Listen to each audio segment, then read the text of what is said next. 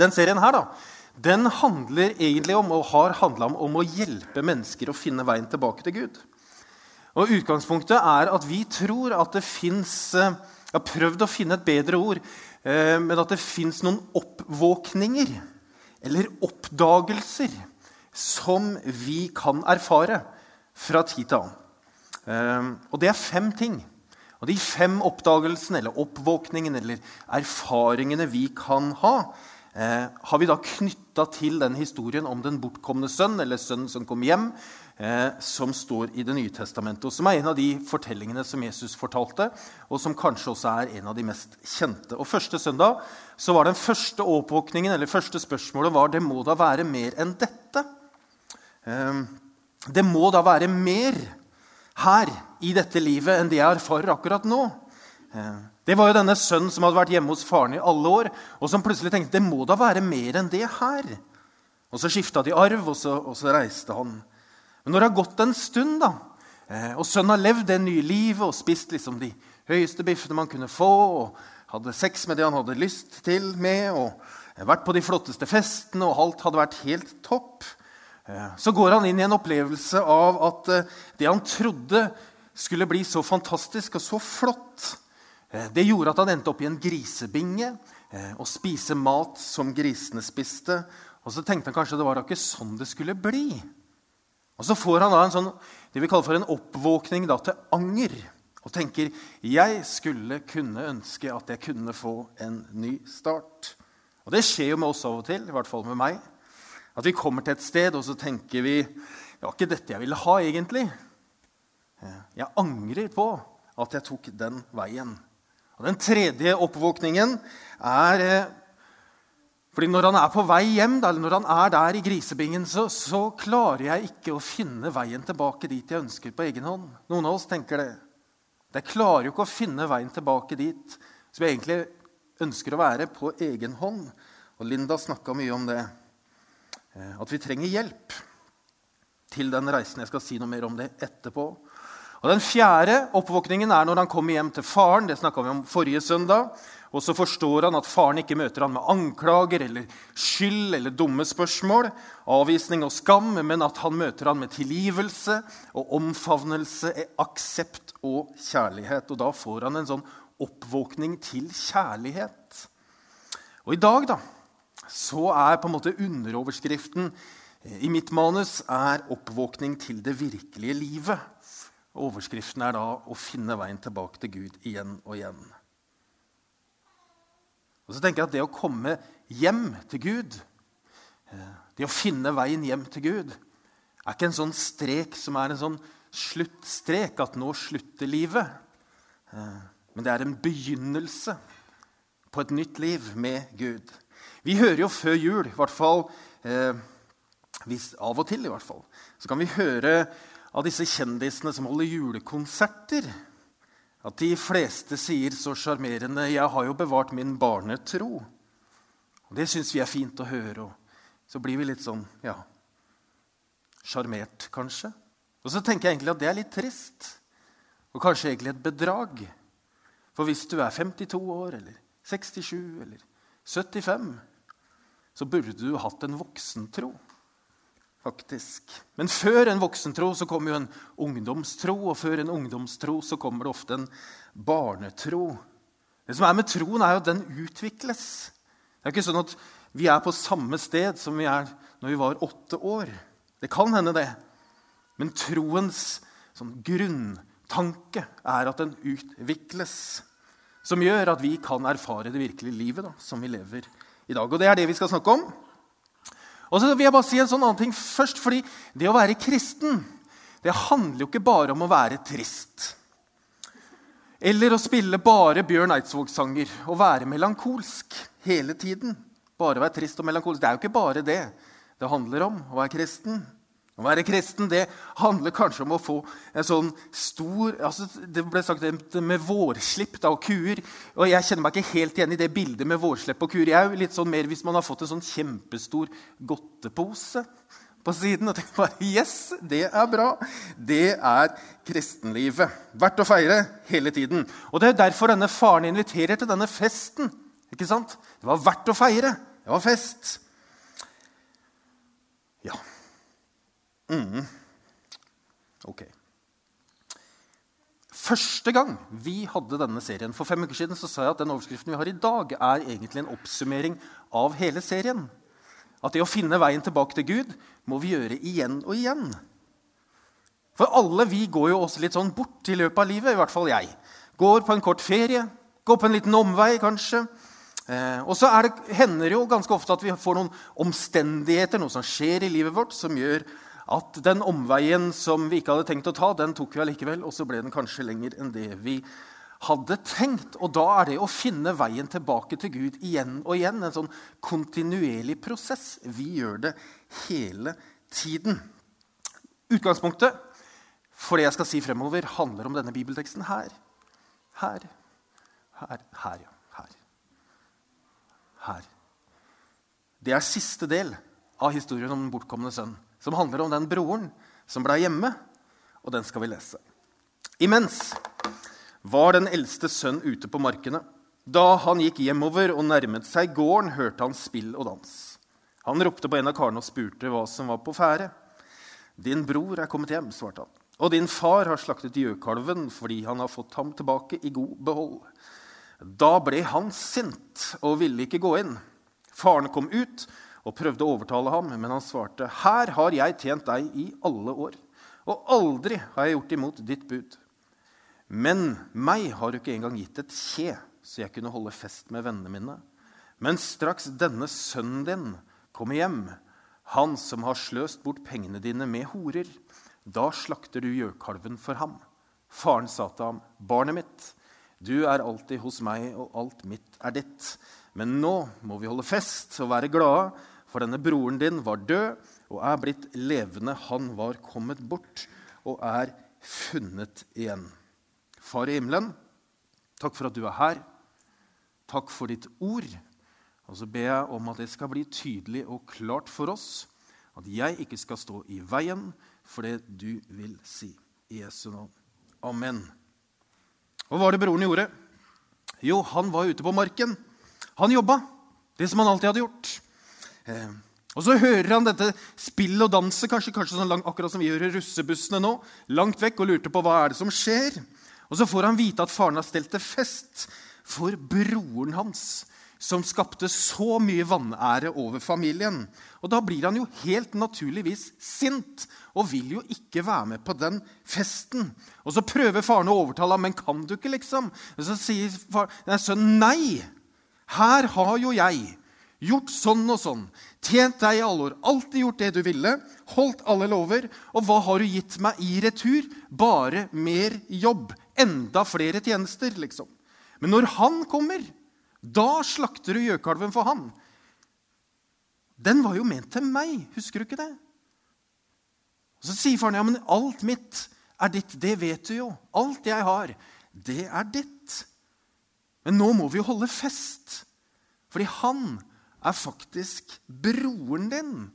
Så liksom sånn tar deg sammen. da. Bli med inn på festen. Den teksten i dag er liksom, Jeg ser for meg at dette er liksom sånn selve punchlinen til Jesus når han forteller denne historien. For dette er jo hans respons til de som var kritisk mot ham. De skriftlærde og fariseerne, de som var så opptatt av disse skatteinnkreverne og synderne som, som Jesus var sammen med. Alt det gærne de gjorde. Og ikke minst det at Jesus torde å være sammen med dem og spise sammen med dem. Og på en måte akseptere dem gjennom at han spiste sammen med dem. At han som påstod at han var en sånn Guds profet, kunne gjøre det. At De gutta her, altså fariseerne og de skriftlærde, de var jo så opptatt av alle andres feil at de kunne jo ikke se liksom den svære bjelka som var rett foran nesa. De så jo ikke at Jesus faktisk forvandlet liv. De så jo ikke at han helbredet de syke. De så jo ikke det, eller de så det kanskje, men de, de tenkte at det var ikke riktig likevel. For de så bare det søppelet hos de andre. De så synden. Alt det andre som de andre gjorde, var galt. Som var frastøtende for dem. Og Så tegner Jesus et sånt bilde i denne teksten av den eldre broren. Din bror, sier tjeneren, er kommet hjem. Men storebroren vil ikke tenke på han som en bror. Han er jo ikke det. Han sier 'denne sønnen din'. Ja, men 'Dette er din bror', sier faren. Ja, men 'Her har jo jeg slavet for deg. Tjent deg i alle år'. Og Det han egentlig hadde gjort, var jo det at når faren hadde delt arven mellom de, så hadde jo det som var eh, brorens, hjem, altså broren som var hjemme sin del, det var jo blitt hans. Eh, og så hadde han og faren de hadde jo drevet gården sammen, som et sånt partnerskap. Og Da var det sånn at alt han egentlig eier, alt broren eide, og egentlig faren disponerte, da, det var brorens. Og så hadde jo den yngre broren brukt opp alt. Det var ikke mer igjen. Da er det kanskje ikke så rart at den broren som er hjemme, blir sur, for han tenker at nå går jo denne festen av mine penger. Det er jo et kjempeproblem. Det er jo det. Altså, det Ja, jeg skal ikke si noe om det. Han sier 'aldri har jeg gjort noe mot, mot ditt bud'. Paulus, han som har skrevet halve til Nytestamentet, han skriver i Filippe-brevet, kapittel 3, vers 6, så sier han 'Jeg har vært uklanderlig i min rettferdighet etter loven'. Han hadde vært en sånn fariser. Han hadde vært uklanderlig. Han hadde aldri gjort noe galt. Hvorfor skal jeg straffes, som aldri har gjort noe gærent? Han skjønte det ikke. Og det er jo ikke så rart at han ikke skjønte det. At broren ble sint. Og så tenker jeg, hvordan er det med meg, da? Hvordan er det med deg? Hvordan er det med oss? Han kan ikke fortjene det, vet du. Han som har rota det så til. Han som ødela, han som reiste, han som gikk, hun som stjerte. Kan ikke fortjene dette. Det er jo vårt. Det broren gjør, er at han viser at han har jo snarere tvert imot ikke like mye respekt som den, eldste, nei, som den yngste broren for faren. Han skjeller jo ut faren foran alle gjestene. Han nekter å gå inn på fest, nekter å være sammen med ham.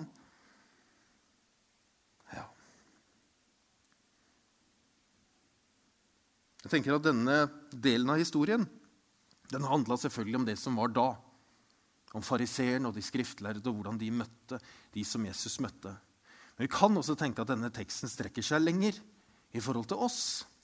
Hvordan møter vi de som er på utsiden? Hvem er vi til for, egentlig? Hvem er Gud til for, og hva er vi som menighet til for? Hvem er vi til for? Jeg var på PMF, som står for Pastor- og medarbeiderforeningen i Misjonskirken Norge. Vi har et sånt årlig vintermøte i uke 11. Og da var det en venn av meg som heter Jalle Rommedal, som er pastor i Randesund misjonskirke. Han sa dette. At vi har ingen å miste, men vi har mange å sende i menigheten hos de. Ingen å miste, men veldig mange å sende. Tenk hvis det kjennetegnet oss. Vi har ingen å miste, vi. Men vi utrolig mange å sende. Hvem er vi til for? Selvfølgelig er vi til for oss. Men vi er kanskje enda mer til for de som enda ikke er her. Jeg skulle ønske at denne historien hadde en sånn kjempegod avslutning. Hvor alt ble tydelig, alle visste hvordan det gikk med broren. Ble de venner igjen? Hvordan ble det med arven? Hvordan, liksom, hvordan endte det her? Og så får vi jo ikke noe slutt på denne historien. Og kan det være sånn? Det hender jo det at når det er en litt sånn åpen slutt, så må vi tenke selv, da. Om hva betyr det egentlig? Hvordan slutter dette? Hva vil Jesus at vi skal tenke? Hva kommer til å skje? Hvor passer du inn? Hvem er du? Er du han som er borte, eller er du han som er hjemme? I mitt liv så har jeg vært begge deler, både borte og hjemme. I Kolossebrevet, som er et annet brev i Nytestamentet, så skriver Paulus noe om hva som skal kjennetegne de som er hjemme. Der står det Er dere da reist opp med Kristus, så søk det som er der oppe hvor Kristus sitter ved Guds høyre hånd. La sinnet være vendt mot det som er der oppe, ikke mot det som er på jorden. Søk det som er der oppe. Er det noe vi kan ta med oss når vi blir irritert eller frustrert eller lurer på Kan han, liksom? Ha søkt det som er der oppe. Er det gjennom å søke det som er der oppe, at sinnet vårt fornyes? Og at man får et riktig fokus på hva vi holder på med, hvis vi søker det som er der oppe. At vi kan være himmelvendte i vårt liv, men samtidig være planta her. At vi søker det som er der oppe. Vi tror at Gud har en adresse her på jorden. ikke det fint? Det tror vi. Ja. Det første som er i den adressen, handler om at det er en levende menighet hvor han er. Vi tror at menigheten er verdens håp, alle menneskers håp. En samling eller en kirke eller en gruppe av mennesker som er samla rundt troen på Jesus Kristus. Og så tenker Jeg at vi er jo, jeg tenker på meg, for meg selv da, at jeg er på en måte på vakt nå. Dette er liksom min vakttid. Det er nå jeg lever. Det er nå jeg er liksom yrkesaktiv. Eh, det er nå jeg er på vakt. Og Da tenker jeg, da skal jeg gjøre det jeg kan for at mennesker kan møte Gud, bli kjent med Han, når de kommer hit til Skien misjonskirke. Så den første adressen er den levende Guds menighet. Den andre adressen handler om å ha et personlig liv med Gud.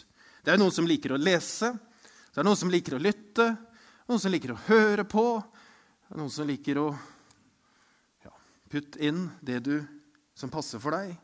Vi tror faktisk at Gud har en adresse som han møter oss på. Og Det er gjennom å ha et personlig liv med han.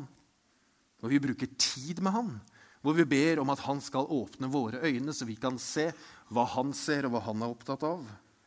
Det tredje tenker jeg er eh, en sånn praktisk eh, side av det vi gjør i kirken. Og vi kan begrunne det teologisk hvis vi vil, og dere som er interessert i det, kan jo komme på workshopen klokka sju mandag morgen.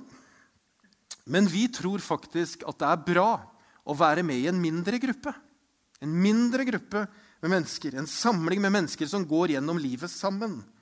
Hos oss så heter jo det å være i en smågruppe, men det kan jo hete mye rart.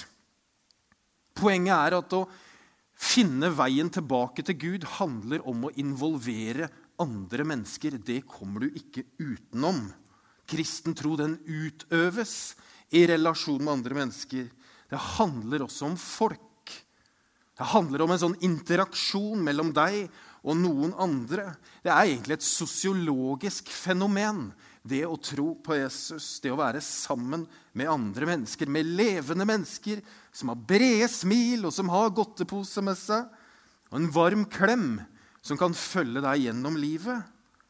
Gud skapte jo menneskene for at han skulle ha fellesskap med menneskene, og for at mennesker skulle ha fellesskap med hverandre. Og det skjer noe når vi er sammen. Det er derfor Torbjørn ber og sier hvor, hvor to eller tre er samlet i mitt navn, altså i Jesu navn, der er jeg midt iblant dem. Så du kommer ikke utenom folk. Det er trist, men sånn er det. Det fjerde er å erfare det nye livet gjennom å ha en relasjon til den verden vi lever i. Det er jo ikke sånn at vi bare kan være eremitter og bo på en fjelltopp og meditere og herje på hele dagen. Det er ikke sånn det er. Vi må ha en relasjon til verden hvor vi hjelper andre, hvor vi møter andre, hvor vi oppmuntrer, og hvor vi peker på veien hjem. Og Det å være en kristen det handler om å få et fornyet syn på andre mennesker. At vi bryr oss om andre på en annen måte, osv. Og da er det punktet da, som henger sammen der, det handler om å stå eller å ha en tjeneste eller ha et oppdrag eller være med og bidra. For vi i vår kirke her er overbevist om at det er mye mer velsignelse i å gi enn å få. Og at det ikke er det vi samler, som gir oss i sum verdi, men det er det vi gir bort. Det er det vi sender. Vi har ingen å miste, men vi har mange å sende. Og så tenker jeg på de voksne som, på, som har vært på Get Together borte i tabernakelet i helgen. De som er her på fredager og ofrer eh, bit for bit og Nytt på nytt og for å være her sammen med ungdommer på fredager. tenker De er noen av våre helter. Tenk på alle de voksne som nå er nede på Beam og oppe på Beam og borte på Beam og som ofrer denne kjedelige talen for å være sammen med barna våre. De er forbilder for oss fordi det er mer velsignelse i å gi enn å få. Og så tenker jeg at Hvis du skal vente må være med å bidra til alt klaffer, til alt ligger liksom rett på stell. og du har, 'Nå har jeg liksom endelig fått ut denne bolken av tid i min kalender.' 'Nå er det ingenting annet som forstyrrer.' Først da kan du gå inn og tjene og være med å bidra. Så kommer du aldri i gang. Jeg drømmer om De sier jo sånn statistisk, stat, statistisk at i en menighet så bidrar 20% med 80% og de resterende 80 bidrar med 20. Og Jeg tror at på mange felt så er det også sant her. Og Jeg drømmer om at vi kan snu det. At ikke det er 20 som bidrar med 80, men at det er faktisk 80 Dere skjønte poenget? Ja da, det var fint, det. Det er greit. Da hopper vi over det, ja. Mm. Det er bra. Det er bra, det. Mm. Jeg sa dette første gangen. Tenk om vi kunne være en kirke som gjorde det lett å komme og se Jesus. Tenk om vi kunne være en kirke som gjorde det lett å følge etter Jesus. Tenk om vi kunne være en kirke som gjorde godt mot andre, ikke av plikt, men av en indre drive.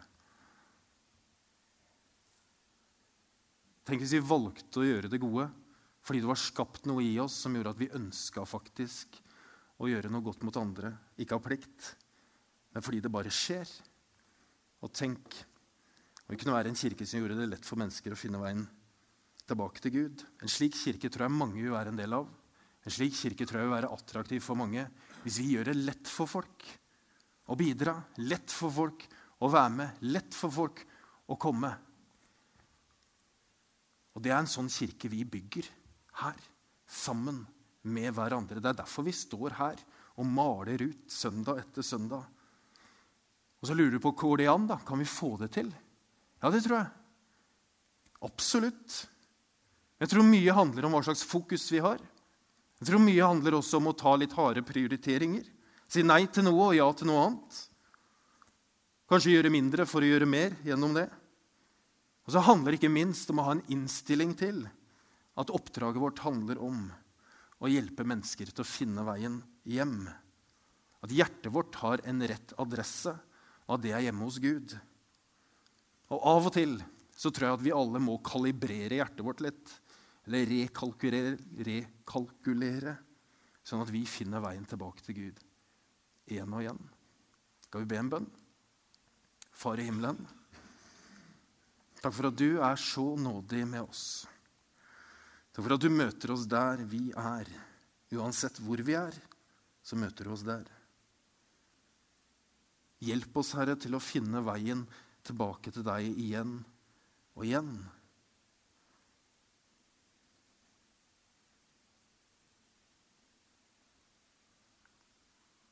Hjelp oss, Herre, til å gjøre det lett for folk å ta nye steg med deg og finne veien tilbake Og komme i tjeneste og hjelpe oss, Herre, i dette vi står i. I Jesu navn. Amen. Nå skal vi feire nattvær. Det er en fin måte å avslutte serien på også. Um, og Da kommer Beam-barna opp etter hvert. Og Det er fint. Og når du går til nattvær, så får du et oblat i hånden som du dypper